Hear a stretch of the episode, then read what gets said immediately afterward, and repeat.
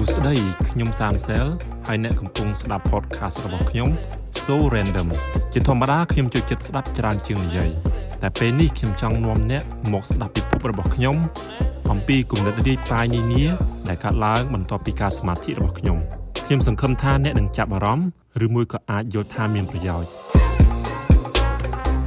So hi everyone Welcome to a new episode of So Random with Sansel. I hope you have been doing really, really well. And today episode is another special because I am going to talk to a civic space researcher in Taiwan, and her name is Doris. So I'm really excited to welcome Doris to the show. Hi, Doris. Hi, I'm Doris. I'm a researcher at ACFA, Asia Citizen Future Association. So welcome to the show. Thank you. For our start of this conversation, can you please like define what civic space mean and especially how it important for the economic prosperity? Yeah, so usually civic space is referred to the um, environment which in- enable people to engage in the social political discussion or life. So it can be understood as the space for free, uh, people to ex- exercise their uh, freedom of expression, freedom of assembly, and freedom of, of association. Yeah, and in terms of its relation with uh, economic prosperity, I think usually when people talk about economic prosperity, we, we tend to think about growing GDP and uh, countries with like a lot of economic development and so on and so forth. But we also found that a lot of some countries with very so-called good economic prosperity or growing GDP usually are those they have a situation where the civic space is shrinking drastically. So it's interesting to uh, also think about look when sometime a country it has a very good economic performance does it align with the value of human rights does the economic prosperity value equality and so on and so forth Totally. And and when I listen to you, I reflect about the class that I just attend at the financial reporting class, like about the like company financial like statements, and the professor mentioned that now economic like business growth it's not just about benefit about numbers but now like people like the consumer really put pressure on the esg mm. the environment social and governance. And i think the three like key component like the ESG, I think it really really impact and like depend on the civic space and human rights. Mm. Yeah, like more or less indirect or direct. Yeah, yeah. I think it's very important for for us to learn more about how civic space in the economy and also like in like our daily life. So next question would be about Taiwan mm. Because you are a researcher in Taiwan and you I think you may be like the best person to talk about how how we should notice how we should talk about the civic space in Taiwan. And if people follow like civic space or human rights issue especially from South Asia from Cambodia for example we learn that oh you have like a democratic like society. People have like freedom of expression freedom of assembly. And recently i also attend like one of your human rights events of the year. It's called like lgbt plus parade. Mm. Yeah so i think I, I I experienced firsthand how people like freely express themselves and how the public non LGBT plus like join or celebrate with this kind of a form of civic space I would say. So can you please like explain or brief our audience a bit how are civic space doing in Taiwan? What angle should we look at civic space in Taiwan now? Sure, sure. So um, in Taiwan, you can see that we have a, a very vibrant civil society. Um, so a lot of different civil society organizations or individuals are, are working on various issues And sometimes you can see that when there are events or people trying to advocate for certain issues, you can see that different members from organization, different organizations would work together and support each other. So in general, we have a relatively open civic space um, for example, when organizations are doing their work, they do not need to worry about uh, reprisals from the government authority. And when they go on events in public, they do not really need to worry about police coming to stop them. But as ACFA recently published a report that scrutinized the situation of freedom association in Taiwan, we also mentioned that, that there are some still some challenges in terms of the freedom of association in Taiwan. Um, for example, until now, if you want to form an association or NGO, nonprofit organization, the registration are still on permission base.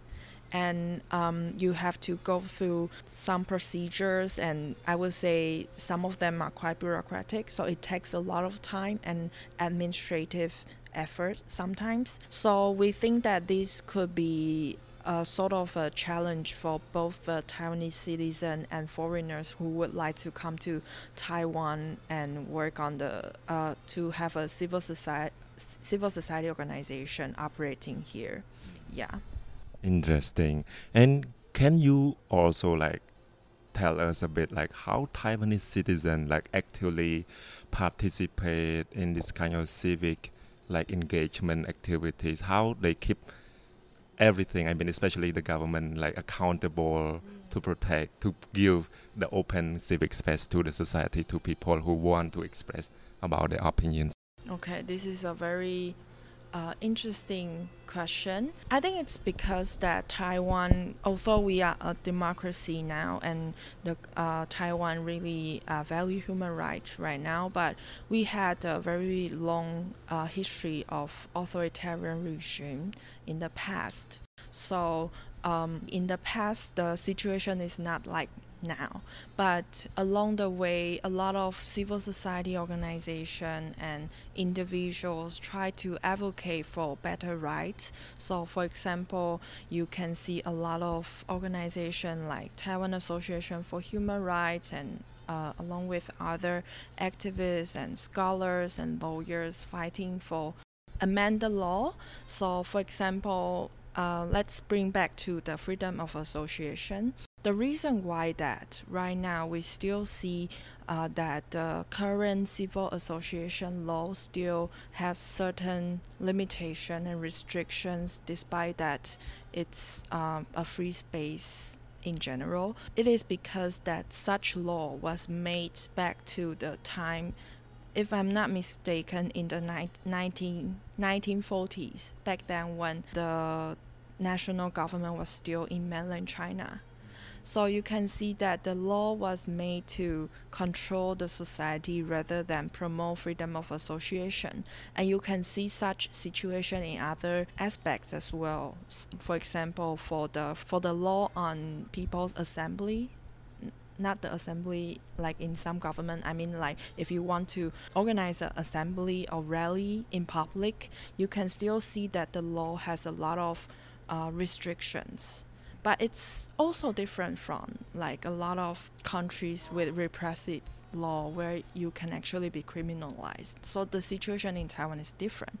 So you can see that a lot of civil society organizations trying to advocate for uh, amending the law so to uh, make uh, the the space in general to be more uh, open and inclusive.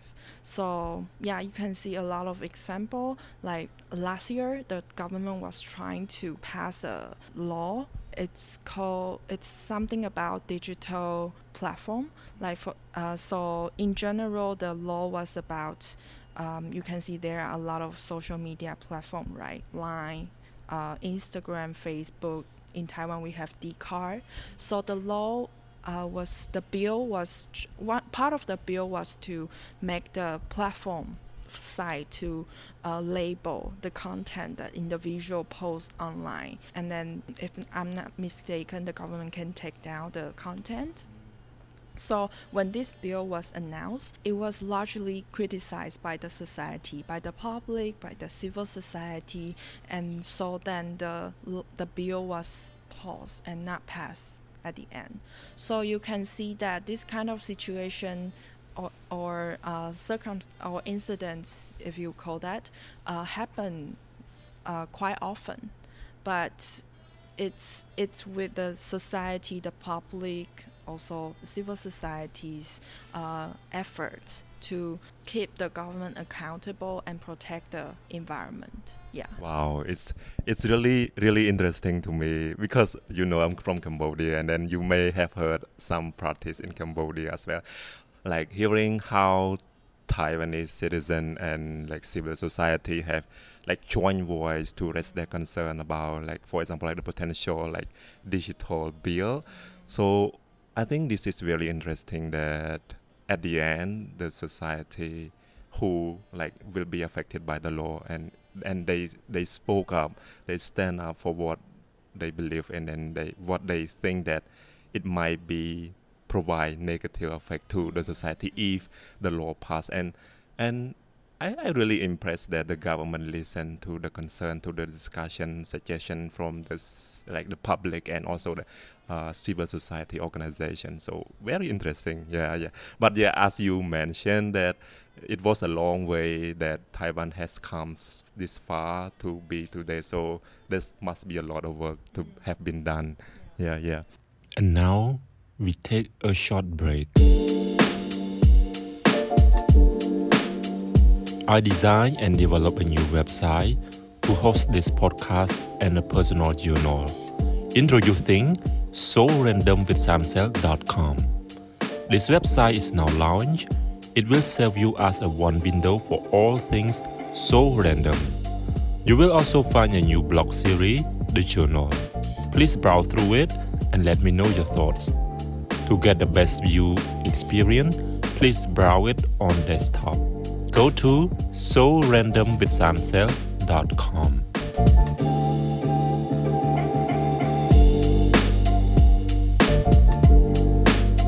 Welcome back to the show. So next, I would like to talk about Southeast Asia, another scope that you have been working on, especially in your like recent published research. So before we talk about your research, can can you tell us like briefly what are the trends in civic space practices in Southeast Asia, like the, the general trends? Uh, so in recent years, uh, a lot of uh, scholars or international organizations have been uh, publishing a lot of research, and then uh, people are observing a trend of shrinking civic space in Southeast Asia. For example, a lot of civil society organizations, individuals, human rights defender or independent journalists, they have been paying more and more cost just to do their work, uh, mostly on uh, human rights, democracy, and different kind of social issues, justice, and so on and so forth.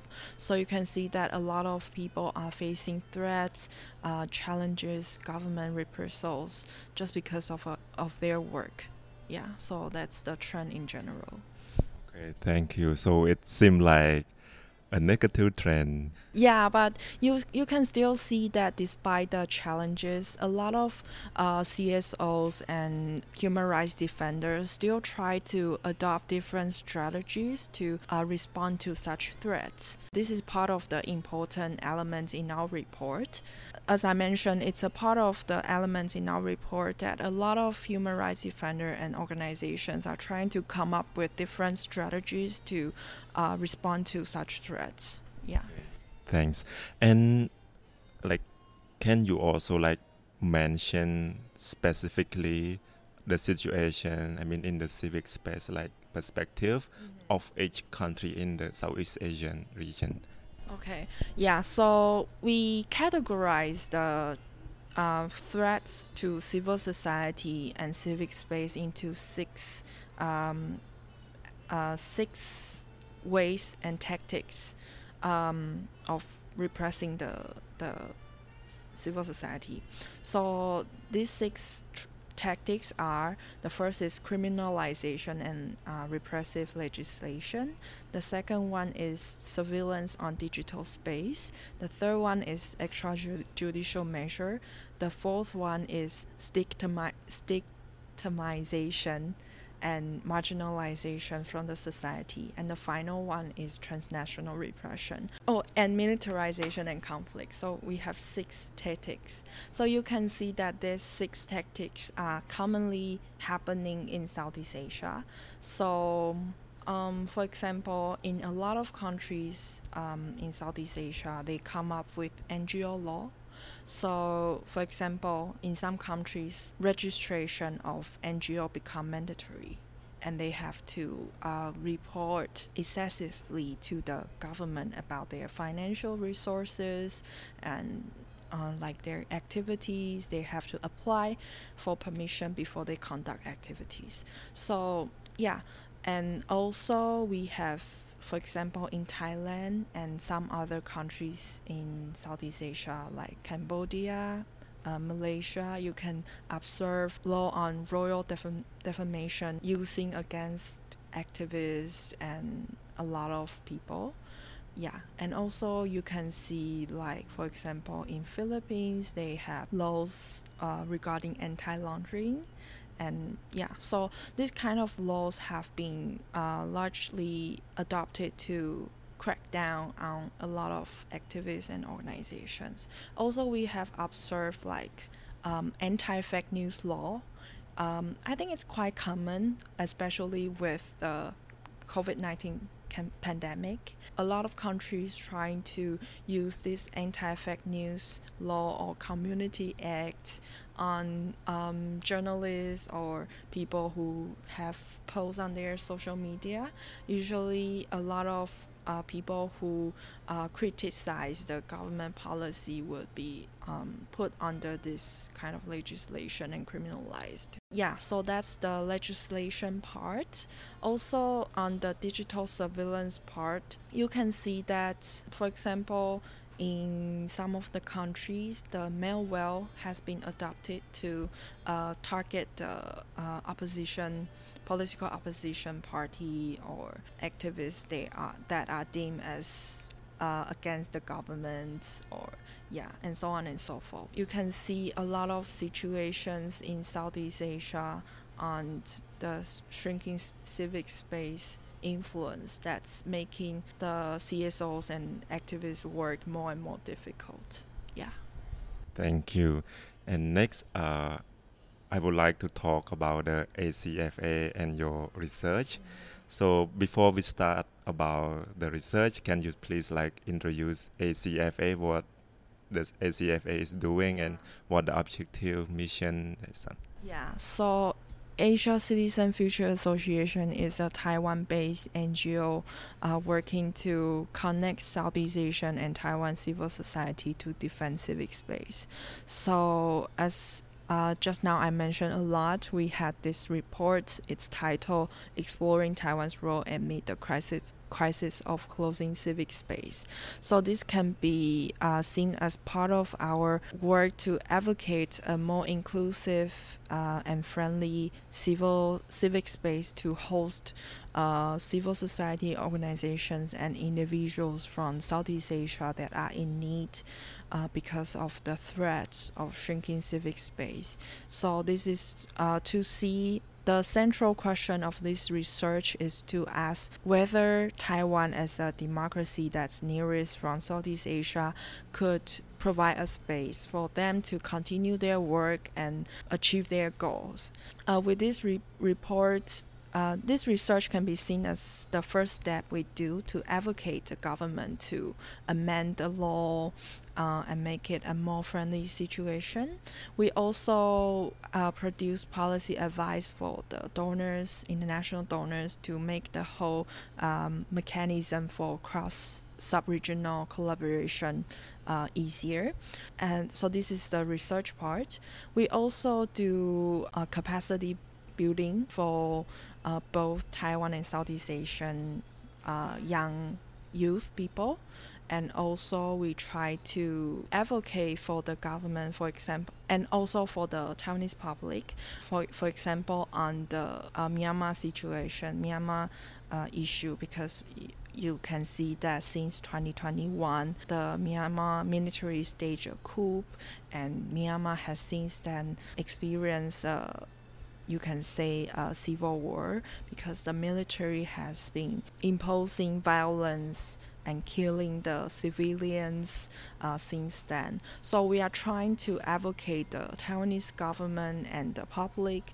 to uh, learn more about the situation in Myanmar and also uh, to see whether we can, from the government side, they can uh, have more action than just you know announcing statements. Yeah. Or uh, action oriented. Yeah, yeah. Okay, got it. And so since we talk about the research study, so why not talk some point inside the research finding? So one of the finding uh, inside the research uh, mentioned that the like some Southeast Asian civil society organization and advocates like in oppressed locations who not really know about Taiwanese like civic space environment.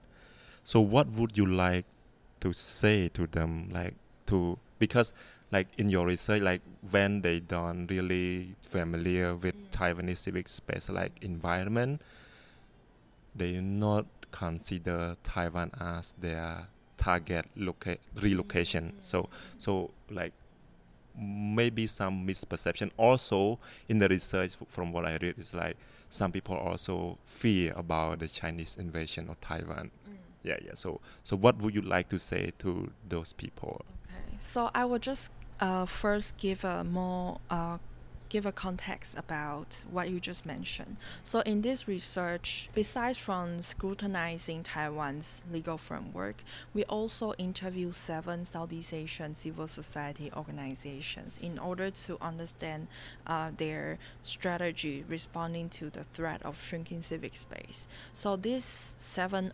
organization, uh, when we recruit the interviewee, we have three criteria. The first is that they have experience or see the uh, trend of um, the attack by the authority against their work and their organization.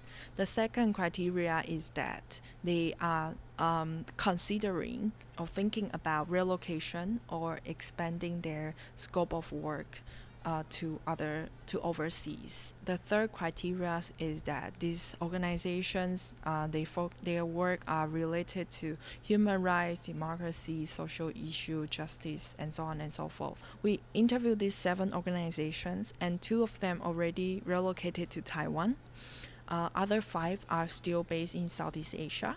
Uh, so we have uh, seven organizations from different countries. So when we conducted the interview, we, we realized that for the two organizations who have relocated to Taiwan, they are uh, rel- they have been relatively more familiar with the uh, geopolitics and the um, situation in Taiwan uh, compared with other organizations, and also um, they have the interest to learn more about uh, the democratization and history of Taiwan. For example, one of the organization is a, a media. So this media focuses on this independent media focuses on the Viet, Vietnam's democracy and rule of law and human rights. Uh, they came to Taiwan. They choose Taiwan because they think that um, the experience of Taiwan's democratization could be uh, beneficial for uh, the Vietnamese people to learn because uh, the democratization and democracy model in Taiwan is obviously quite different from the uh, Western countries, right? So they are trying to uh, also um, they want to learn from Taiwan's Taiwan's experience in countering the China's influence because Vietnam geographically is uh, connected with China, so every day they are facing uh, the the they are thinking about how to counter China's influence. So they want to put this kind of content in their media and to inform the Vietnamese public to learn more about democracy, rule of law, and human rights, and so on and so forth. Another organization is uh, is also a media, and it's it, it's originally from Singapore. So the the organization uh, was in the beginning in a relatively friendly term with the government, the Singaporean government, but later along the way, they step by step being targeted by the government because of what they do and what they write, and finally they choose to relocate to Taiwan. So the reason why uh, the organization chose to relocate to Taiwan is because that it's because of the special and unique international status of Taiwan, because they think that Taiwan is very special in a in a way that it doesn't have a lot of bilateral agreement and it's it's not recognized by a lot of countries as a sovereign state, right? So uh, it would be difficult for the government to uh, collaborate with the Taiwan government to have transnational repression against them. Uh, um, whereas if they go to any of the other Southeast Asian countries because they have official um, relation, international relations, so uh, it's relatively very easy for them to have uh, be targeted by other Southeast Asian authorities if they go to uh, if they re- relocated to other countries. Yeah, so this is why uh, one of the one of the key finding is that for the organizations who are uh, unfamiliar with the situation in Taiwan, uh, during the interview, they mentioned that when they consider uh, Taiwan as a loca- uh, destination for relocation, they would worry about the China's invasion uh, and, and the Taiwan and China tension. Yeah, possibility of a war, of course. So, what I have to say to these organizations, I think it's interest. It would be interesting for us to actually uh, look at the fact that if you look at the sub, for example, submarine communication cable or the flight uh, flight path map, actually Taiwan is very well connected with Southeast Asia. Let's say if there is a war, it's impossible that other countries in the region won't be won't be uh, impact. So I think it's it's quite important for both uh, the Taiwanese and Southeast Asian civil society to actually include think of Taiwan not as an isolated country. We are part of the region and if something let's say the war or war happen, then I think it will it, it will not be an, an isolated incident for yeah so I think it's it's important for us to really think about how we can have more dialogue and mutual understanding and collaboration together to defend the region. Yeah. Yeah. Thank you. Thank you. And now I have like another follow-up question. I was like while listening to you I also like had another like thought why should Taiwan care mm. about like receiving the relocation of other civil like society like NGOs or advocates. Why should Taiwan care? Because it's not Taiwan business. Yes, I think this is a very important question. Because um, when we do this work, we realize that not only the civil society in Taiwan, but the Taiwanese public in general, they, we have very limit understanding about Southeast Asia. And therefore, the issue about um, making Taiwan an inclusive environment for civil society organizations from Southeast Asia would sound like irrelevant for a lot of people at first. But if you think about it this way, first, in Taiwan, we have a lot of Southeast Asian population actually and most of them are migrant worker and uh, part of them are students. They are very big population. Uh, the number of Southeast Asian population in Taiwan already um, is larger than the indigenous people in Taiwan. So this is the first. Uh, Southeast Asian population is has become a very important part of the Taiwanese society. Second, um, because again, because of Taiwan's unique international status, um, since Taiwan uh, withdrawn from uh, the, I mean the Republic of China, Taiwan withdrawn from the UN, we have been isolated from the international international organizations and international relations and international corporations. But if you look at Southeast Asia, they have very vi- vibrant civil society actually. And they have their own regional mechanism. They have a lot of human resources. They are experienced in engaging in international mechanisms and international collaborations. So this is actually a very good way to think about it. If we if we have a open civic, civic space to host in uh, to host the organizations from the region uh, we can also have a lot of human resources coming to Taiwan and make Taiwan a more diverse society in which we will have a lot of people that are equipped with experiences and knowledge in engaging in the international mechanism. So I think this is a very this is an important way to think about why uh, Taiwan should open our space for Southeast Asian civil society. Yeah. Okay, interesting. Thank you for the insight how to look at this issue. I mean, from the Taiwanese perspective. Mm. Yeah, yeah. And I think next I would like to talk about some tips like for the civil society organization or like the advocate activists who decided to pursue but I mean because of the circumstances that they have to force themselves to relocate to Taiwan. So what should they know about working as like human rights, mm. civic space activists or organization in Taiwan? Okay. So there are actually a lot of pros that uh, would be good for Southeast Asian organizations or any other foreign uh, civil society organizations to come to Taiwan.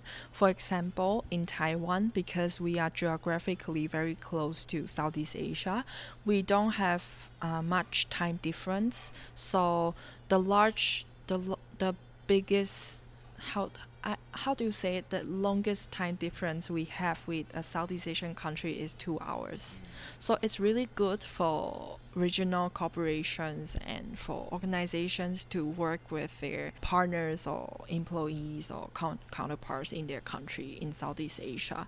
Second, we have very good basic infrastructure and the traffic in Taiwan is really we don't really have traffic jam even totally though agree. sometimes a lot of Taiwanese people do complain about the traffic at rush hours but yeah in general it's very it's quite good compared to uh, some of the cities in the region so we actually have a lot of uh, pros, and also not to mention the democracy and rule of law and human rights value we promote and protect here. So it's very good for CSOs from the region to actually work here, but we also have some still have some challenges as as I mentioned in the beginning the process to form to form to set up an office here and to operate uh, you, we still have some challenges, but you can refer to ACFA's report. You can find it on our website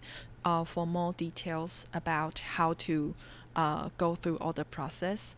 And start from next year, we will start open for application for uh, organizations who are interested to set up office in Taiwan. We will provide consultancy for consultation for them um, to figure out how to set up office and operate here. Yeah. Wow, it sounds super resourceful for the like the activists or the organization who wish to be here. So, like, can you like share the address of the website I mean, like people who are listening, yeah, yeah, so that they can go and check. It's www.acfa.tw. Yeah, or I think you can just Google Asia Citizen Future Association. Yeah. Thank you. So, uh, next, I think I would like to talk about your personal life a bit. yeah, if you don't mind. Yeah. yeah. And the first one would be what like have inspired you to work in so like civil society organizations, particularly being a civic space researcher. Mm, okay, so um, this is probably related to uh, my background uh, because um, I have been um, quite interested in Southeast Asian in Southeast Asia in general. So in my bachelor during my undergrad years, I went to Indonesia for exchange for one year. And since then, I started to um, research and learn a lot about about transitional justice in Indonesia and um, this is part, partly because uh, Taiwan also experienced the need for transitional justice here because we also have an authoritarian uh, regime in the past, right? So that kind of made me start to be interested in uh, situation about transitional justice and past um, history uh, in Southeast Asia. Also, uh, when I was in Indonesia, I started to uh, learn about uh, the religion there, um, like uh, how women, Muslim women, uh, have their agency in their schools and something like that. It's, it's sort of like a a beginning of my career path where I started to want to research more about Southeast Asia. And so I went to Singapore for my master's degree after I graduate from university.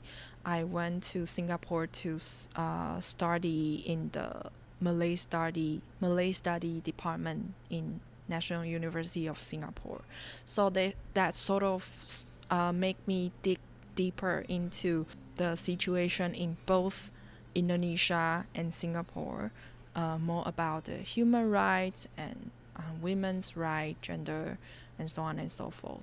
So when I graduated from grad school, I started to think about uh, what I want to do in the future. I'm sure I want to do more research about Southeast Asia. But then I, I started to think about whether I should keep staying in the academia or I should start to work in other sectors.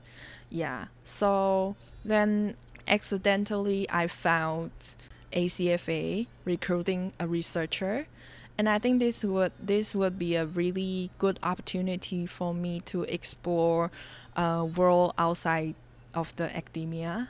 And I think so after a few months um, I started to realize that um, this is a, also a very interesting way for me to really do research, not only do research, but engage in activism to uh, work for the better uh, future and mutual understanding between Taiwan and Southeast Asia. Yeah.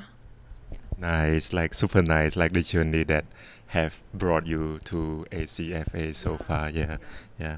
And uh, do you like tea or coffee? I would say both. Yeah, yeah. I think you drinking like is it tea or coffee? This is tea, but I have my coffee for breakfast. Okay, yeah. okay, that's that's fair. yeah. and currently, what are you watching? I mean, on any like platform, whether in Netflix, in YouTube, or listening and reading? I don't really. I haven't really been watching Netflix uh, like TV shows recently, but re- recently I got a book from a friend, and it's um, Kirsten Han's, the Singapore I recognize. So I I just started to read this book, and I really enjoy it. So uh, Kirsten Kirsten is a, a independent journalist. Um, from Singapore. She is also an activist working on um, anti-death penalty. So I really enjoy this book because of how um, she write it. She she has been an activist on the ground for many years, and the way she uh, talk about uh, civil society in Singapore and how they advocate for the issue they care about is really touching and it's really human. Yeah, so I just started to read about it, and um, although I cannot uh, share more about the book because it, this is just the first chapter that I'm reading, but I have been enjoying and, and I really recommend people who are interested in the situation, um, politics, society, uh, civil society in Singapore to read read that as well. Yeah. That interesting. Yeah. I, is it in English? Yeah, it's in English and it's I think it's just newly uh, published. Yeah. Yeah. Cool. And next one, any interesting place that you just discover in Taipei recently, and what do you like about it? So I like to um, cycling or hiking on holiday. So recently I found that I, I, I go to the river bank a lot to cycle because um, I'm not sure if, if you're familiar with uh, Taipei. Um, there is a like a very tall wall along the river, the Xindian River. So it sort of uh, separate the busy city and the river side. So when you cycle and go through the wall, it's like two different wall. Yeah, yeah. So I cycle a lot during weekend and holidays, and I think it's it's really good. Yeah. Do you remember the location pin that if people in Taiwan or in Taipei particularly want to discover your secret mm. place? It's the Dadaocheng Wharf Container Market. So you can Google this mm. site, and then it it links to the riverside path. Yeah. Thank you so much, Doris. I find this conversation is really fun, insightful, and intellectual. So thank you again for joining So Random with San Sel. And our listener, I hope you have found this conversation fun, intellectual, and insightful as much as I do. And thank you so much for turning in. And we will see you next episode. So take care and goodbye. Bye, Doris. Bye. Thank you. ទើបបានស្ដាប់ So Random ប្រសិនបើអ្នកបានស្ដាប់ដល់ចប់សូមប្រាប់ពីការយកឃើញរបស់អ្នកមកកាន់ so random podcast@protonmail.com So Random with Sancel ផលិតថតនិងកែសម្រួលដោយខ្ញុំភ្លេងដោយ Soy B រចនាគម្របដោយខ្ញុំ យើងនឹងជួបគ្នានៅពេលលើកក្រោយទៀត Yeah.